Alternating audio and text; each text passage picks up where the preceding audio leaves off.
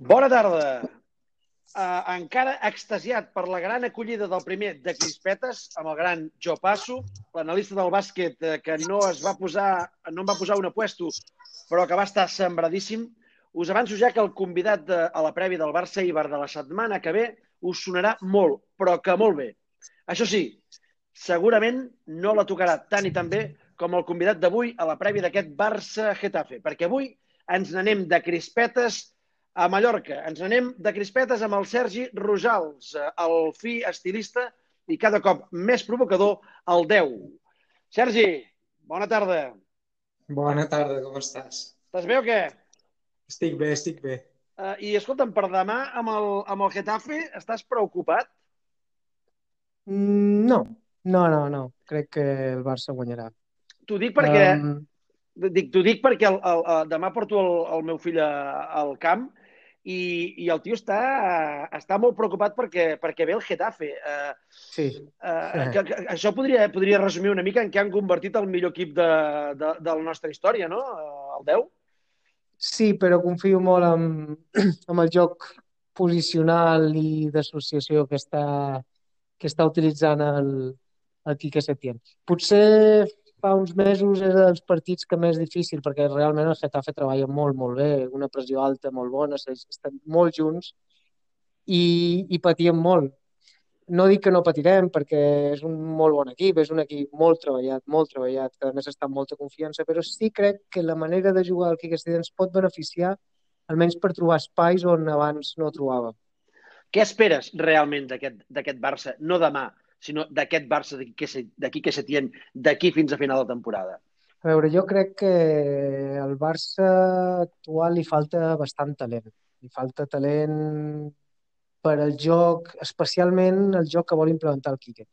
Potser li anàvem amb el Valverde, el tipus de joc, eh, apostant només perquè el Messi i el, i el Suárez fessin mal a dalt, una mica més més a la, no, no a la defensiva, però més compactes i bueno, que aquells dos a veure que la, destra, que la facin mal a dalt, pues, pues, per al tipus de plantilla i la gent que està disponible potser era eh, potser podia arribar a millors resultats. Ara amb el Quique crec que tenim millor manera de jugar, però la, li falta talent. Li falta talent en l'associació, li falta talent en la combinació, arriba la pilota on toca, quan toca, però és cert que després pues, no és el mateix que li arribin al Xavi o a l'Iniesta o a l'Alves que ara li arriben al Semedo o en el, o en el, no sé, en el Vidal o el Rakitic.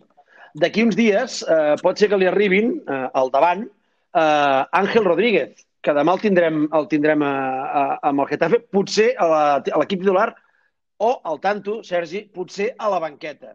Veus sí, normal exacte. que un equip com el Barça eh, no, fitxi no. Uh, Àngel?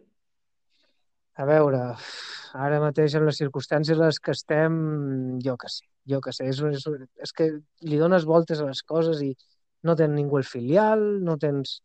És que no tens res. Llavors, necessites algú? Doncs pues mira, no sé què faria. Jo no sé si jugaria amb el que tenim i intentar fer-ho el millor possible. L'Àngel és un bon futbolista, juga bé a futbol, pot ajudar amb un partit de tant en tant a la Lliga? pues, podria ajudar, però en la meva opinió, quasi, quasi deixaria estar i intentaríem el que tenim. Igualment tampoc podria jugar a Champions i mira. I el, però... veus, un, el veus un 9-9, uh, Sergi? No, no, però crec que és que no ho busca, eh? I jo en aquest apartat estic una mica d'acord. Jo crec que la manera que té jugar el Setien no ens, no ens beneficia tenir un nou, perquè, perquè treu jugadors de lo que seria l'amplitud, i crec que amb l'Àngel sí que el pots col·locar a banda, utilitzar-lo una mica més obert, més espais pel mig, pel Messi, pel Griezmann, i el podries utilitzar una mica allà i tirant desmarcades diagonals, utilitzant els espais aquests, però vaja, no crec que tingui molt impacte, eh? ni, ni per bé ni per malament eh, estirar un temps i, i potser fa un parell de gols i, i, i poca cosa més. No, ah. no ens solucionar uns problemes els problemes que, que tindrà aquest equip d'aquí a final de temporada i que al final haurà de sortir molt bé el Griezmann, haurà de sortir molt bé el Messi, perquè al final és el que tindrem a la Champions especialment. El temps t'ha donat la raó amb Dembélé, eh, Bandarra? Uh, les lesions són una bona excusa per qui encara els defensen.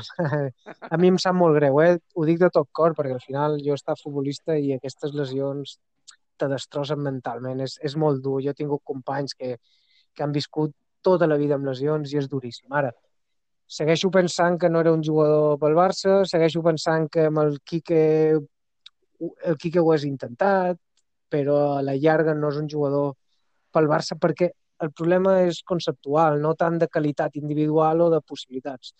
Tenia la possibilitat de que arribés un, un entrenador que li ensenyés o li digués has de fer això i només això i si fas això triomfaràs i el noi ho entengués, potser, però és difícil, perquè ja et dic, eh, també he estat amb molts jugadors que sembla que sí, ara sí, però a la llarga, quan tens tants problemes conceptualment, és difícil canviar-ho. Pensa que ha jugat 20 i pico anys d'una manera i aprendre coses, ser humil i intentar-ho, pues, no és fàcil. I jo veia que no, que no hi havia manera amb aquest noi.